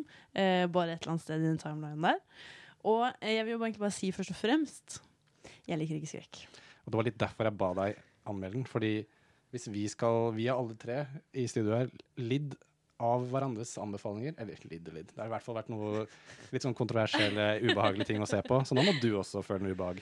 Ja, for det var ubehag. Eh, for det første så eh, Bare for å sette um, Forklare litt, da. Jeg synes at, eh, eller Mine assosiasjoner med skrekk er at det er billig. eh, det er enkelt. eh, det eneste du gjør, er å sitte og vente på at du skvetter. Eh, de meg, det er null historisk eh, altså, Karakterene er flate. Det er liksom ikke noe å hente derfra. da Mm. Eh, så det er ikke det at eh, Og så liker jeg ikke å ha det ubehagelig. Jeg menneske, altså sånn, når jeg sitter og på dere prate om eh, disse to jævlige filmene, så er det ikke sånn at jeg får lyst til å se dem, for de høres jo bra ut på sin måte. Men det er også noe med sånn Har jeg lyst til å bli redd? Nei! Nei! I don't! Eh, og det er derfor jeg aldri har sett en The Conjuring-film før dette. Og mest sannsynlig kommer til å gjøre det etter dette. Men det er det, da. Sånn, jeg skal innrømme at eh, når jeg så The Devil Made Me Do It, eh, så fikk jeg veldig mange av fordommene mine bekreftet. Men jeg var også til, altså, i noen situasjoner litt positivt overrasket. Mm. Eh, Sånn som når da? Eh, det var på en måte det, da, at eh, jeg har jo da igjen ingen kjennskap til dette paret, Warren. Eh, og spilles da av eh, Patrick eh, Wilson og Vera Farmiga. Eh, kjent fra bl.a. Watchmen, som dere snakket om i stad. Og eh, Vera er fra The Departed, eksempel. Og de er jo egentlig dritfete. Eh, de er jo veldig Altså, de er gift, og hun Lorraine har noen sånne spesielle krefter som gjør at hun er best da, til å finne demoner og alt annet lumske ting. Og de ble jeg veldig interessert i. Jeg fikk veldig lyst til å se mer av dem. Jeg fikk lyst til å se mer av forholdet deres. Og det føler jeg også at denne filmen gjør veldig godt. At den tar vare på meg, selv om det er åpenbart at de som ser denne filmen, kommer til å ha sett eh, en eller to eller åtte, syv, mener jeg, andre The Conjuring-filmer i forkant. Men jeg har ikke det, og jeg følte meg likevel sånn veldig tatt varmt imot, og jeg følte at liksom Lorraine og Ed åpnet armene sine for meg. Velkommen inn i helvete. Typ. Eh, og de gjorde det på en veldig sånn stilfull måte. Og det tok ganske lang tid for eksempel, før jeg fikk vite at Lorraine hadde disse spesielle kreftene. Eh, og det var egentlig veldig sånn når de nevner det, så sånn, ah, selvfølgelig, for de hadde liksom hintet litt til det underveis i filmen. Så det ble jeg veldig eh, glad for. At jeg liksom, og hun ser jo rå ut, Lorraine. Hun går sånn fantastiske skjorter. uh, og har sånn, ser alltid dritbra ut, liksom. Uh, så jeg var bare sånn Jeg elsker deg så høyt. Fordi dette er satt Er det på sånn 70-80-tallet eller sånn? Ja, det er på 80-tallet. Ehm, og det er, jo det, det er jo basert på ekte hendelser. Og det var også det som gjorde at de andre karakterene er jo ikke interessante i det hele tatt. Uh, for det er jo da han det er Ann Arnie, um, som for det første er jo en ekte person. Arnie har jo faktisk blitt eh, vært i en rettssak sagt at han har blitt besatt, og at det er derfor han stakk en mann 22 ganger eh, med en kniv. Eh, men så er han Det er litt gøy, fordi på slutten av filmen så viser de den ekte Arnie. Og Arnie er jo ikke så kjekk. Så han ser jo helt annerledes ut enn Arnie vi er vel kjent med i to timer nå.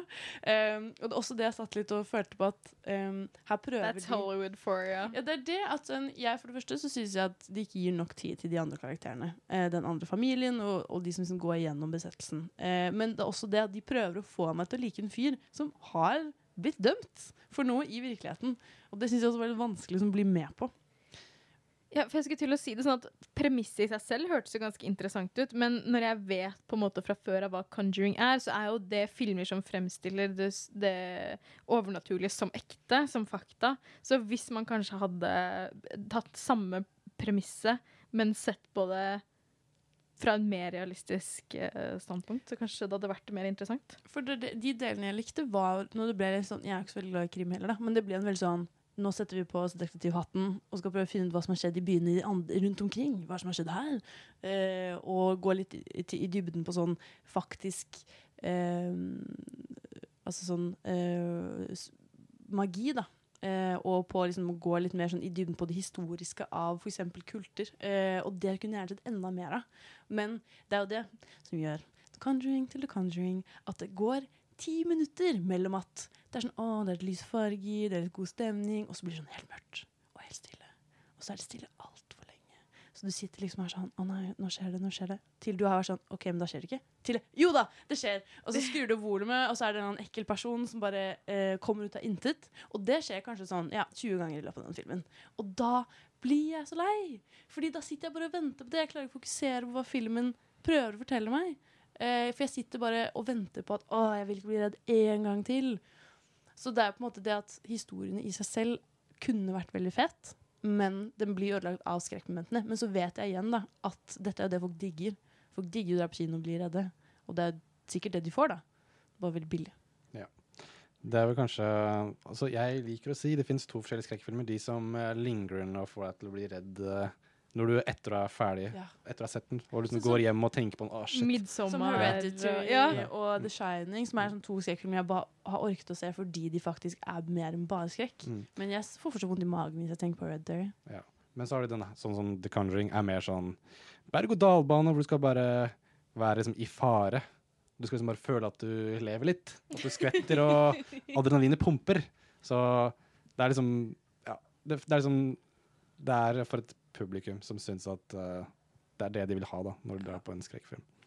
Så ja, hva tenker du? Er det Hvis du skal anmelde til uh, det generelle noir-publikum, hva vil du gi den filmen her? Mm, ja, for det er det som også um, overrasker meg litt, var jeg sa at jeg opplever det som ofte som billig. Uh, men den er jo, og jeg, når, jeg, når jeg tenker på det igjen, så gir det jo mening fordi folk elsker jo det her. Så de tjener jo mad mye penger. Eh, men det gjør også da at produksjonen er veldig bra. Sånn, altså sånn kvaliteten sånn, sånn Uh, bildemessig og lydmessig er veldig veldig bra. Og det er flere scener hvor jeg var sånn Wow, det var ganske fett eh, hvordan de løste det. Det er blant annet en scene hvor Lorraine på en måte går tilbake i tid ved hjelp av kreftene sine, eller sånn synsmessig, da. Eh, og så gjør, får de trærne til liksom gå fra dag til natt på en veldig sånn kul, ekkel måte. Så sånn sett så er det jo um, De gir jo veldig mye rom og plass til å liksom, eksperimentere. Og at de får så mye penger, så kan de iallfall gjøre det på en viss mulig Altså sånn best mulig måte med det, den sjangeren de har å, å, å gå på, da. Mm. Så jeg vil jo si at det var jo ikke dårlig. Og hvis jeg skal se bort fra mine egne meninger Som man alltid skal gjøre. Som man alltid skal gjøre, ja. Nei, vet du hva, jeg trekker meg på det. Fordi eh, jeg vet jo at alle som elsker skal kommer jo til å se den eh, filmen uansett. Jeg syns ikke det var veldig spennende. Eh, jeg syns det, var, eh, det var litt gøy noen ganger, eh, men mest bare sånn Nå stress, er jeg stressa. Så min, eh, hvis jeg skal tolke det der, så er det sånn De som liker å skvette, vil Ja, go det, go, ahead. go, go ahead. ja, ja. Det er tommel opp. Det er på kino, så Vi trenger at folk drar på kino, så dette, dette, trenger vi for at kinonæringen skal fortsette. Så hvis dette er det som trengs, gå, ja, altså, vær så god. Jeg skal ikke være vanskelig, men jeg kommer ikke til å se dem. Men ikke forvent en epic historie. Nei, det er det. Don't do it. Men altså, jeg håper gjerne at Ed og Lorraine har det fint. Forever. Jeg liker dem. Vi heier på dem. Ja. Men hvis du liker de to, så vil jeg anbefale i hvert fall å se den første The Conjuring. For den har jeg hørt er god. Sånn historiemessig, for jeg har sett ikke alle, men noen. Mm. Og den er sånn Ja, den har litt av de tropene at du skal skvette og sånne ting, men det er ikke så mye av det. Mm. Det er ikke liksom hvert tiende minutt. Okay. Så, og det er liksom kul verden. Så nå ble det plutselig en anbefaling inn i anmeldelsen din. Men uh, til alle dere Som ikke har sett The Conjuring. Så, Ja. Men hvis, ja, hvis man digger de to, se først også, guys. Ja. Jeg tror jeg gir den en um, solid eh, tre av ti. Oi, det var litt dårlig. Tre av ti! En, solid tre av ti. Solid tre av ti. Ikke mer, ikke mindre. Nei. My last offer. Ina har talt. Ja, Ina har talt. Og Ja. det respekterer man der ute. Ikke fuckings kom her Nei. at Ina Sletten, eller whatever det heter. Prove me the fuck wrong! Change my mind. Men uh, jeg setter pris på at du faktisk uh, trosset dine egne preferanser og gikk ut og anmeldte skrekk på våre vegne. Ja, midt i en solskinnsdag Ja. så gikk jeg inn i mørket. Mm. Ja. Og kom ut en bedre person etterpå. Ja. Tusen takk. Nå skal vi snakke om uh, Dogtooth, som er uh, mitt uh, Hva kan jeg si? Hva er min challenge til Oda og, og Ludvig?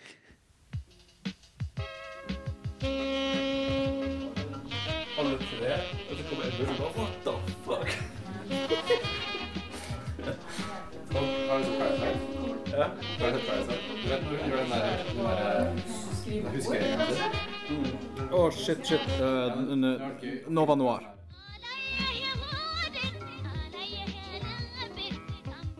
Yes, da er det dukket for eh, Dogtooth, som er eh, min hva kan man si, anbefaling til dere to, Oda og Ludvig. Eh, den kom ut i 2009, tror jeg det var. Mine fakta er ikke alltid på plass, men ca. 2009. Jeg tror det er Det var 2009. Ja, jeg tror det er riktig.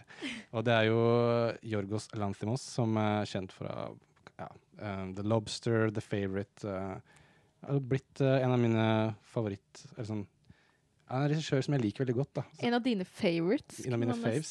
Ja, en av mine faves, selv om jeg ikke har sett sånn kjempemange av filmene hans.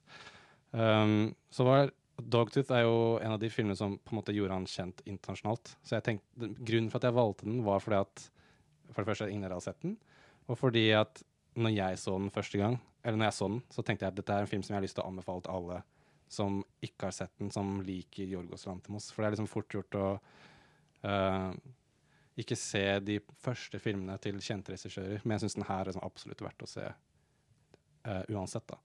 Uh, den han, har en litt sånn Handlingen er ganske sånn Litt sånn som i Worldspot, Det er ikke så mye handling, egentlig. Det handler om en familie hvor faren um, har på en måte skjermet uh, barna sine fra omverdenen. Uh, og de er liksom godt voksne, sånn rundt 20, ja, mellom 25 og kanskje nesten 30, et par av de.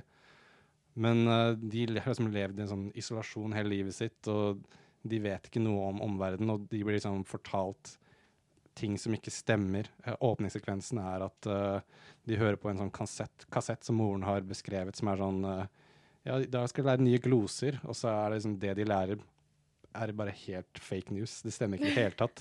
Så det er veldig sånn kontroll på språk for å liksom kontrollere ungene 100 da. Og uh, ja, hva, hva syns dere om filmen når det er sånn? Jeg syns at den handlet om masse. Eller premisset er jo egentlig en veldig svær greie. Og en kjempedrøy greie. Dette er jo foreldre... Eller barnemishandling på eh, et eh, Det er jo next level barnemishandling, liksom. Eh, og, og så blir du så satt ut ganske tidlig når jeg skjønte at dette kommer til å være en sånn minimalistisk, ikke så plottsdrevet film. Og jeg visste veldig lite om den, til tross for at jeg vet hvem han er godt, og jeg vet hvem Og Dogtooth er sånn uh, tittel jeg har hørt nevnt, nevnt mange ganger. Men jeg har aldri verken lest noe litt om den, eller visste hva den handla om. Så, og det var jeg veldig glad for at jeg ikke gjorde.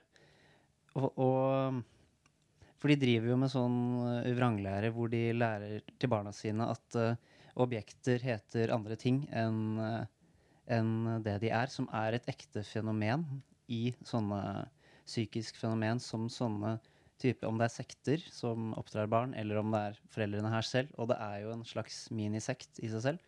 Så det er en helt ordentlig greie å gjøre sånn, fordi det er en måte å å- Hjernevaske. Hjernevaske, og du holder øh, Og de kommer jo aldri til å kunne fungere eh, i omverdenen øh, øh, hvis de noen gang slipper løs, fordi de tror at ting De har blitt systematisk lært bort til øh, Så det er egentlig bare det overordnede. Og det er, jeg syns det er så sinnssykt drøyt, hele greia.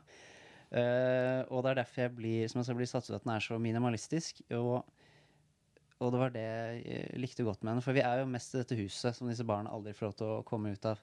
Som på en måte foreldrene har gjort i en slags Det er jo kjempe De har en veldig svær hage. Og er litt sånn ute på landet i Hellas. Og som på en måte har blitt hele deres verden. Eh, og jeg ble så jeg ble så interessert Og det er jo barna som er eh, Barna som er så hjernevaska, er jo øh, veldig interessant selv. Men jeg ble sånn mer eh, interessert i foreldrene. Og nesten litt sånn både glad og litt sur for at jeg ikke fikk vite hvorfor de gjør dette her. Mm. Jeg syns også det var veldig fascinerende, fordi disse foreldrene har lagd en verden hvor alt dreier seg om dem. Barna har ikke engang navn, så de er bare bror og søster. Eh, og yngre søster. Det er sånn storesøster, lillesøster, bror. Og eh, det er ganske sånn tidlig i filmen så er det også sånn at de, de leker en lek hvor barna blir puttet forskjellige steder på eiendommen med bind for øynene. Og så står moren på midten av eiendommen eh, og roper eh, ut hvor lang tid de har brukt. Og da skal de i blinde finne, seg, finne frem til moren. Og bare det var et sånt veldig tydelig bilde på at hele verden skal bare handle om mor og far. Og de skal bare adlyde mor og far. De skal ikke engang ha navn som de kan tilkalle dem med. Du skal bare høre stemmen, og du skal gå dit, på en måte. Jeg syns det var veldig fascinerende. Og så er kanskje liksom, ikke vendepunktet, men det som vender eh, eller driver på en måte det plottet vi har her, er at uh, faren har jo betaler jo for at en sikkerhetsvakt på fabrikken han har jobbet på, skal ha sex med sønnen hans sånn uh, semijevnlig, virker det som. The Task, som han bare kaller det i filmen. Yeah. Jesus fordi, fordi, fordi eh, jentene skal visst ikke ha sex. Ba, Mm-mm. bare, bare duden. Eh, fordi sånn tenker faren at det er riktig. Men hun, eh, hun gir jo på en måte ekstern, eh, eksterne impulser, da. til, til spe Mm. spesielt de to jentene. Med at eh, hun f.eks. bytter til seg eiendeler som foreldrene ikke har kontroll på. At, jeg, og dette, blir, dette er veldig problematisk for foreldrene. Mm, for Fordi på grunn av at hun er der, eh, så ødelegges hele deres eh, Hva kan man si? Visjon. Sorry, det kom en katt igjen. Beklager. Deres visjon om hvordan denne verden skal fungere. Og det er det jeg syns er Jeg syns det er noe av det mest komiske, må jeg si, med filmen, er at eh, alt, i, alt går til helvete fordi de mener at sønnen må ligge med noen. Ja. Egentlig. Hadde ikke det vært en faktor, så hadde egentlig alt gått i foreldrenes øyne Så, så bra. vi, kan, vi kan si at eh, sexisme er uh, the root of all evil. For sure. Jeg stirrer jeg ned mennene rundt meg i rommet her. Ja, men jeg vil også nevne at eh, um, selv om den er veldig dyster og veldig fucked up, så er, så er den morsom. Og det er det som er så Jeg, jeg har aldri fått så Det er noen filmer hvor jeg får dårlig samvittighet av å le. Ja. Dette er en av dem. Uh, og og ba- bare ikke av selve uh, akten, holdt jeg på å si, men av, uh, av øhm, bare at det skjedde, er når sønnen finner den her katten i hagen og skal øh, drepe den med en hagesaks. Fordi katter er noe av det verste som fins. Det er farlig, og det er drept. Ja, for det, det har faren lært dem, ikke sant? Og, øh, for jeg trodde ikke at han skulle gjøre det. Når han liksom nærmer seg, så trodde jeg liksom bare OK, nå kutter vi. Og så, nei da. Plutselig sånn splæsj, splæsj, splatt-scene midt inni en film som ellers ikke har det. Det var helt for jævlig. Men jeg fant også ut noe som noe veldig usympatisk ved meg. Er, er at jeg syns det er skikkelig vanskelig å like folk som ikke klarer å ta egne valg. Sånn som Ja, nå skal vi spoile denne filmen her òg, antar jeg. Ja, det blir jo litt spoiler, Ja. men eh, jeg vil si at uh, det er en film som Igjen, da. Du, du mister ikke så mye nytelse eller enjoyment Mm. ut av filmen av vite liksom detaljer, fordi Mhm. det, det er liksom opplevelsen av å se den som er eh, underholdende. Ja. Så det som er at det er jo tre søsken her, og det er bare én av søsknene som på en måte begynner å stille litt spørsmål ved denne verdenen som de har blitt presentert, og begynner å på en måte utfordre den tankegangen som, som de har blitt innlært. Og de to andre søsknene, spesielt hun yngste søsteren, jeg syns det var så vanskelig å like henne. Det er sånn, Mange av de tingene hun sa, og måten hun snakker på, bare provoserte meg sånn til kjernen i, i, i meg. Og jeg var sånn, herregud, dette er jo helt forferdelig. Hun kan jo ikke noe for det. Hun har blitt manipulert og hjernevaska hele livet. Men jeg bare syns hun var så forferdelig vanskelig å like. Jeg er, jeg er ganske enig. Av de tre så var hun absolutt verst. Ja, hun var jo helt jævlig. Og det er sånn, hun kan ikke ærlig, for det. Hun er jo et offer. Skal, uh, ja, det, det er det som er trist. Men vi skal jo liksom ikke Jeg føler ikke at jeg likte noen her. Mm -mm. Men uh, foreldrene er jo helt klart psycho. Uh, liksom, Ja, ja. De er så klart topp to verste her. Men altså, ja, sånn rent det vi ser, så er barna også Man tenker jo at de sånn Faen, de er ufyselige. Altså, så ja, men jeg, kan, jeg kan ikke si det heller. Men det er sånn, de ljuger og sånne ting også. Sånn, det er en natt så våk vi ser at foreldrene våkner opp fordi broren skriker midt på natta, og da står da, har hun yngste søstera stått opp og knust kneskålen til broren med en hammer. Og fordi de har blitt fortalt at liksom, katter er de skumleste og farligste dyrene i hele verden, så skylder hun på en katt. Og så peker hun på det åpne vinduet og sier det var ikke meg, det var en katt som kom inn i vinduet og angrep broren min med denne hammeren og knuste kneet hans. Og så, og så blir jeg helt sånn herre Ja. Hvor psyko er du? Og det som er gøy, er at faren må jo bare spille med, ellers så bryter han hele den illusjonen han har skapt rundt eh, kattene som uh, forferdelige monstre. Men inni seg så vet han at hun bare ljuger. Ja, ja, ja. Så han vet jo at hun ljuger, men de må gå med på det, liksom. Og så liksom. virker det litt som at det er et aspekt ved de her For de er jo ganske Selv om de er voksne fysisk, så er de fortsatt litt barn i hodet. Ja. Og det er jo fortsatt en sånn barnslig, barnslige tendenser de har som Uansett hvor mye du prøver å manipulere barn, tror jeg, så er det noe man ikke får til. Og det er sånn type oppførsel. At man liksom erter hverandre litt, og så går det for langt, og så prøver uh, uh, Prøver folk å den, Gjerne som har gjort å ljuge. Mm. Det er på en måte Foreldrene prøver liksom å stå opp imot Hva kan man kalle det som barnslig natur, da. Eller menneskelig natur. Mm. Uh, som uh, Og som de prøver, som du sier, veldig godt å ikke, uh, ikke la skje. Men jeg tror på en måte det hadde skjedd selv om de ikke hadde fått disse uh, greiene fra hun her i Kristina, da, som Det som er veldig gøy Ja, det er litt, også litt fascinerende at Kristina er den eneste som får et navn. Men det jeg synes er det morsomste med hele denne filmen, er at den, hennes første møte med verden utenfor er at hun får tak i Haisommer og Rocky Four. som Ja, hun det, ser. det, det er to VHS-er som hun Kristina tilfeldigvis har i veska si når hun kommer Jeg har vært og Som hun da byt-. Mm, bytter mot eh, Så bytter hun da disse VHS-ene mot oralsex. Mm. Um, og ser da Rocky Four og Jaws, da, eller Haisommer. Og så er det en ganske morsom scene når hun står alene på rommet sitt, og, og vi skjønner hva hun har sett når hun begynner liksom å sitere Rocky alene til seg selv på rommet sitt. Men det var et skikkelig spennende øyeblikk. Første gangen hun opplever konseptet med liksom at hun kan ha et navn. Fordi hun, hun ligger i senga ved siden av søsteren sin, og så sier hun bare 'Bruce'. Og så sier søstera 'hva er det for noe?' Og så sier hun 'det er et navn'.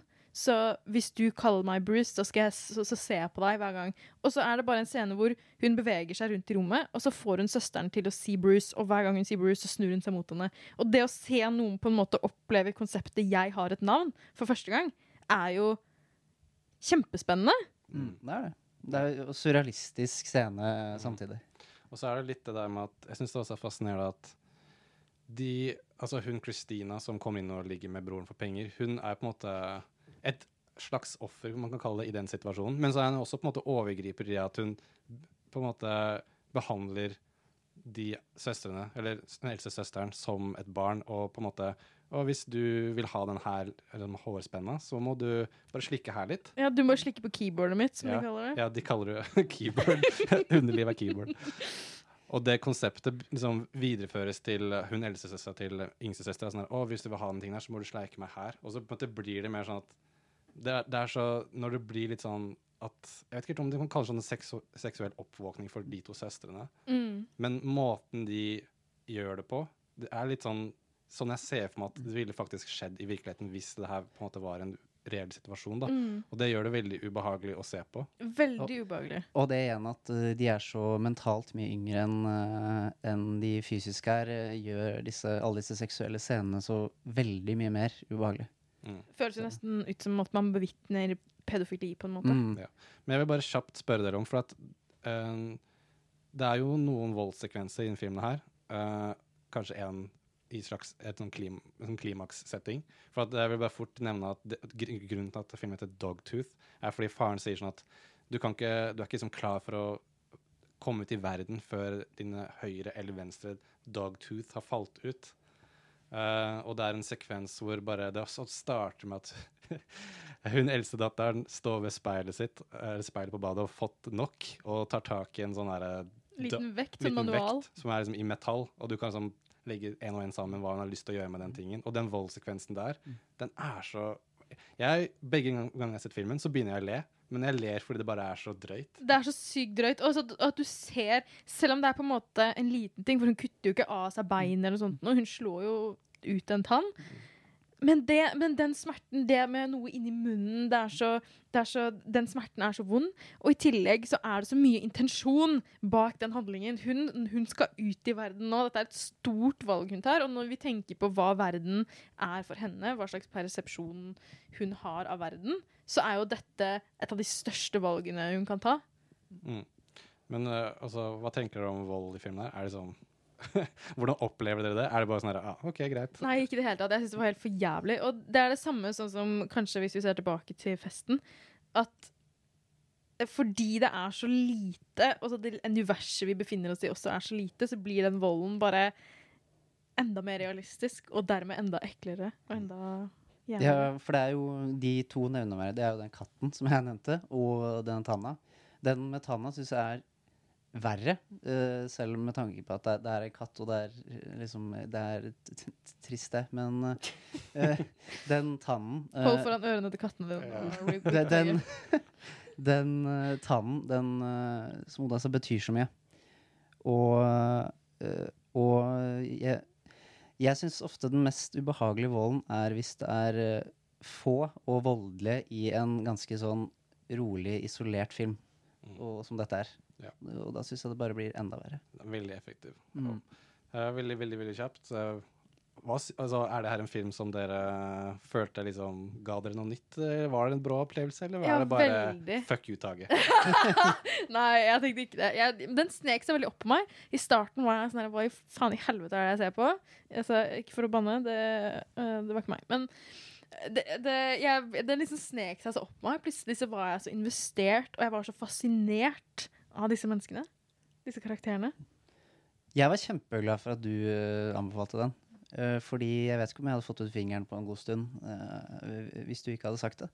Men jeg, som du sa, det er en opplevelse. Eh, og jeg tror at det vi sier nå, egentlig, hvis du ikke har sett den, bare blir rar svada. Så, og, men jeg tror ikke det ødelegger så, så mye av opplevelsen heller, for det er liksom ikke så mye å spoile, på en måte. Nå har vi spoila litt, men jeg tror ikke det som sagt kommer til å ødelegge den. Så jeg tror jeg anbefaler den, og eh, du må gå inn med et mer Nesten mer som at du skal se på et maleri, på en måte. Du må på en måte la det komme til deg, heller enn å sitte og analysere imens. Mm. Men jeg anbefaler den. Altså. Godt sagt, Ludvig. Eh, vi beveger oss videre i sendingen, og eh, vil bare minne på det hører på Nå Noir her på Radio Nova.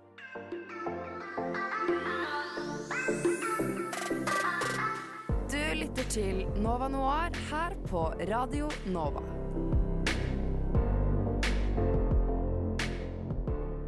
Eh, Oda, du har også vært og sett en eh, premierefilm.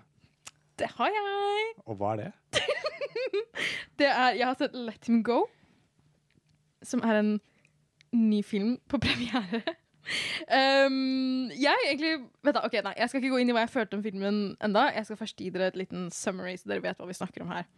Um, det er en neo-western som er regissert av Thomas Besucha. Jeg vet ikke om det er et navn som er uh, kjent for dere. Det var ukjent for meg. Ikke som jeg kan si ja på. Nei. Um, Og det er med Diane Lane og Kevin Costner i Mm. hovedrollene. Mm. Snacksy. Snacks, snacks. De spiller ekteparet George og Margaret, som mister sønnen sin i en rideulykke. Dette er i Montana på Er det 60-tallet? Ja.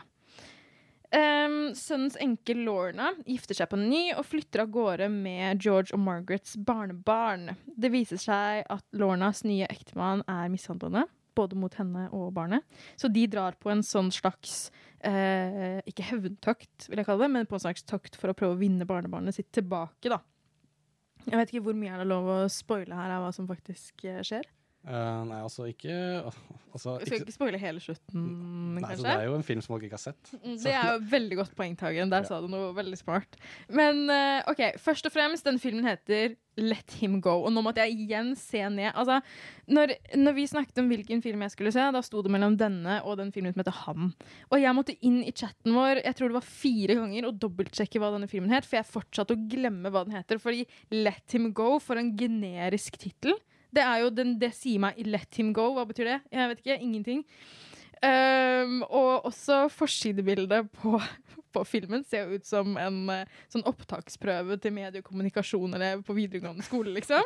Så jeg gikk inn i den og tenkte OK, øh, her går vi inn i en sånn, eh, kjedelig western-drama med supergenerisk tittel og bilde, bla, bla, bla.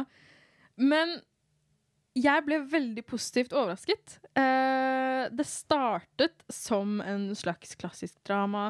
Eh, de, de, sønnen deres dør jo innen de første fire minuttene, tror jeg, av filmen. Eh, så allerede der bare blir du kastet rett inn i plottet. Sånn OK, han var ikke viktig, kaster han i søpla. Og så eh, skjønner vi at her skal det handle om da ehm, Margaret og George og sønnesønnen, holdt jeg på å si, barnebarnet eh, Jimmy, og at det er han de vil ha tilbake. Så det er veldig tydelig, et veldig tydelig mål, veldig tydelig konflikt. Og så plutselig, halvveis i filmen, så blir det en thriller. Og det gjorde meg veldig positivt eh, stilt til denne filmen. For jeg tenkte at her, her ser jeg allerede hva slutten kommer til å bli. Jeg ser hva som kommer til å skje, og det er ikke noe banebrytende. Og så bare snudde den alt og ble noe helt annet enn det jeg trodde den skulle bli. da. Eh, og jeg elsker jo Kevin Costner. Han er jo en av mine OG-forelskelser fra Jeg så Bodyguard for første gang da jeg var sånn ni år gammel. Det er kanskje ikke så sunt når han var fortsatt en gammel mann da. Han er 66 år gammel nå, for de som lurer på det.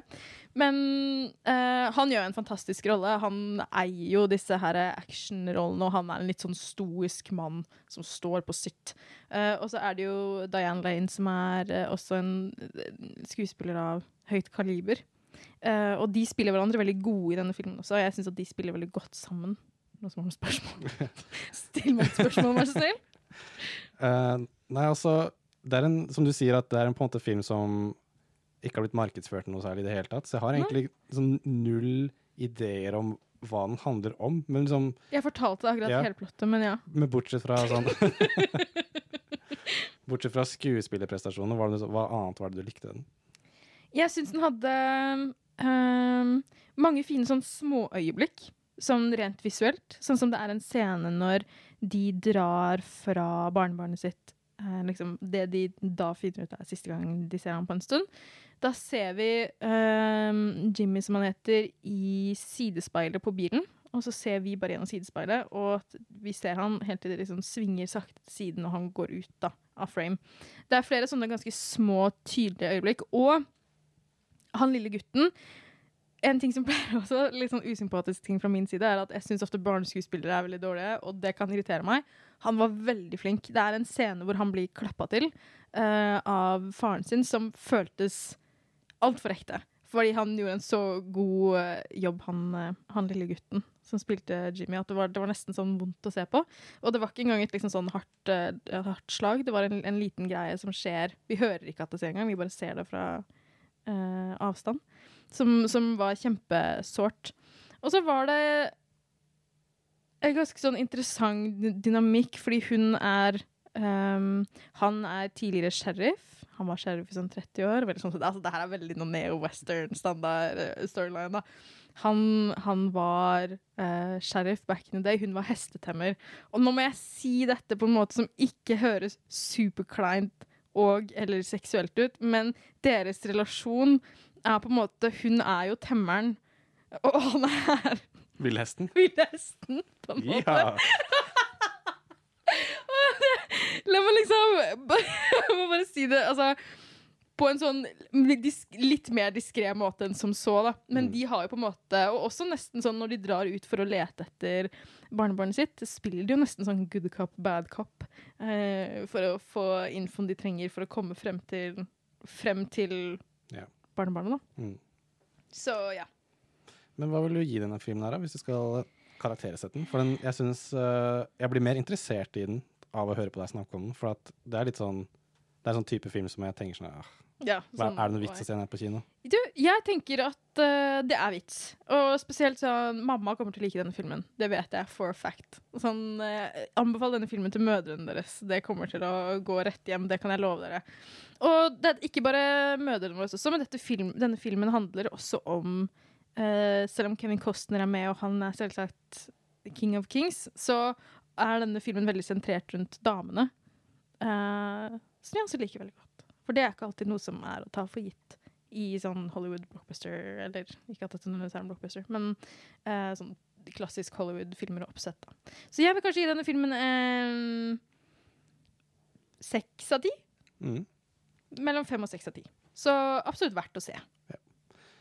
Seks av ti til Let Him Go. Let him Let go. him go. Eh, Ina ser på meg med et dømmende blikk. Jeg tror, jeg tror vi bare går videre og wrapper opp denne sendinga.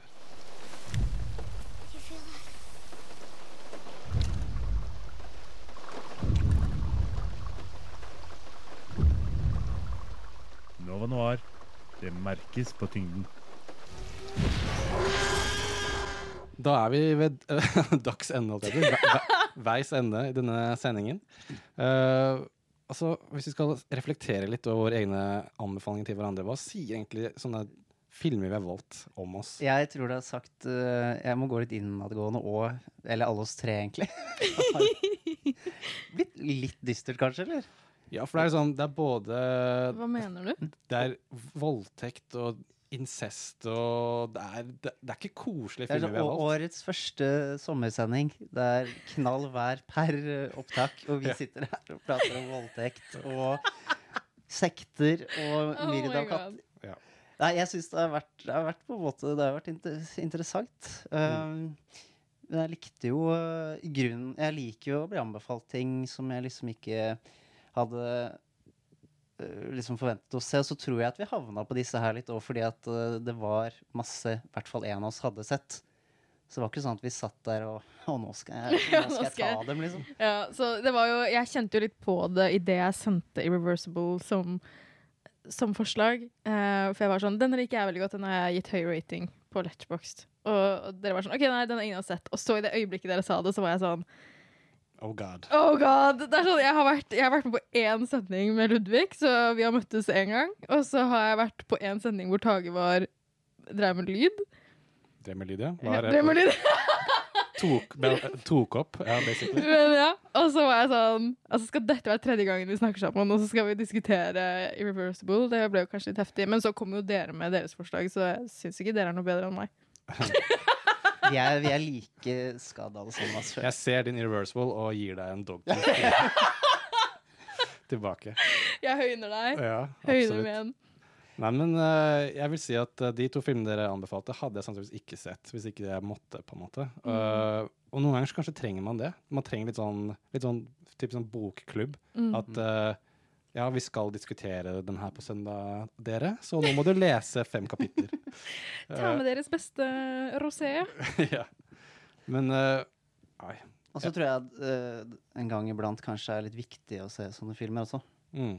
Ikke, kanskje ikke nødvendig med sånne temaer, men noe som har litt annet å komme med. Og kanskje Utvide horisonten litt. og, at vi, og det er ikke ofte vi prater utelukkende om ikke-engelskspråklige filmer. Ja.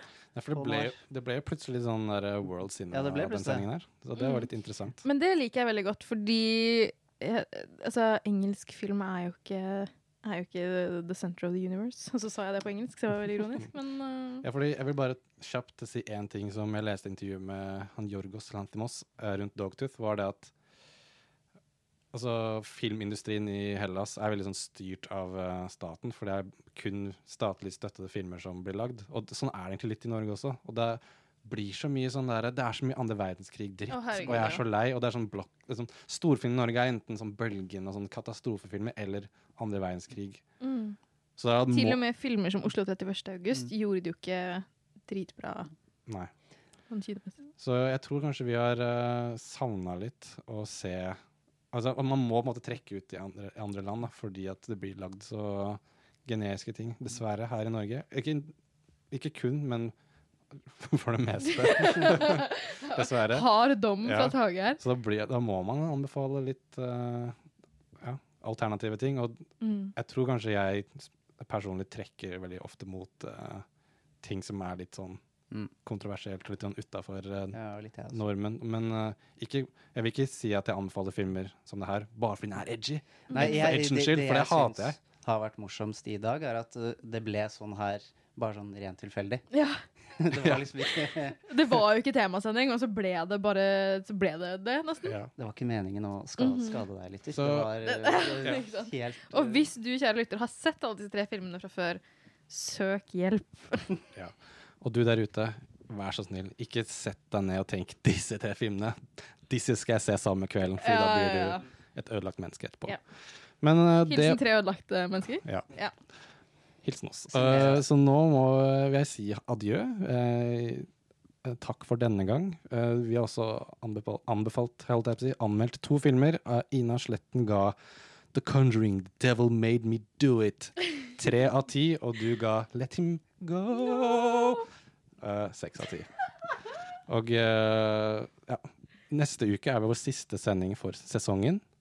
Uh, ja, jeg vet ikke hva den gesten betydde, Ina.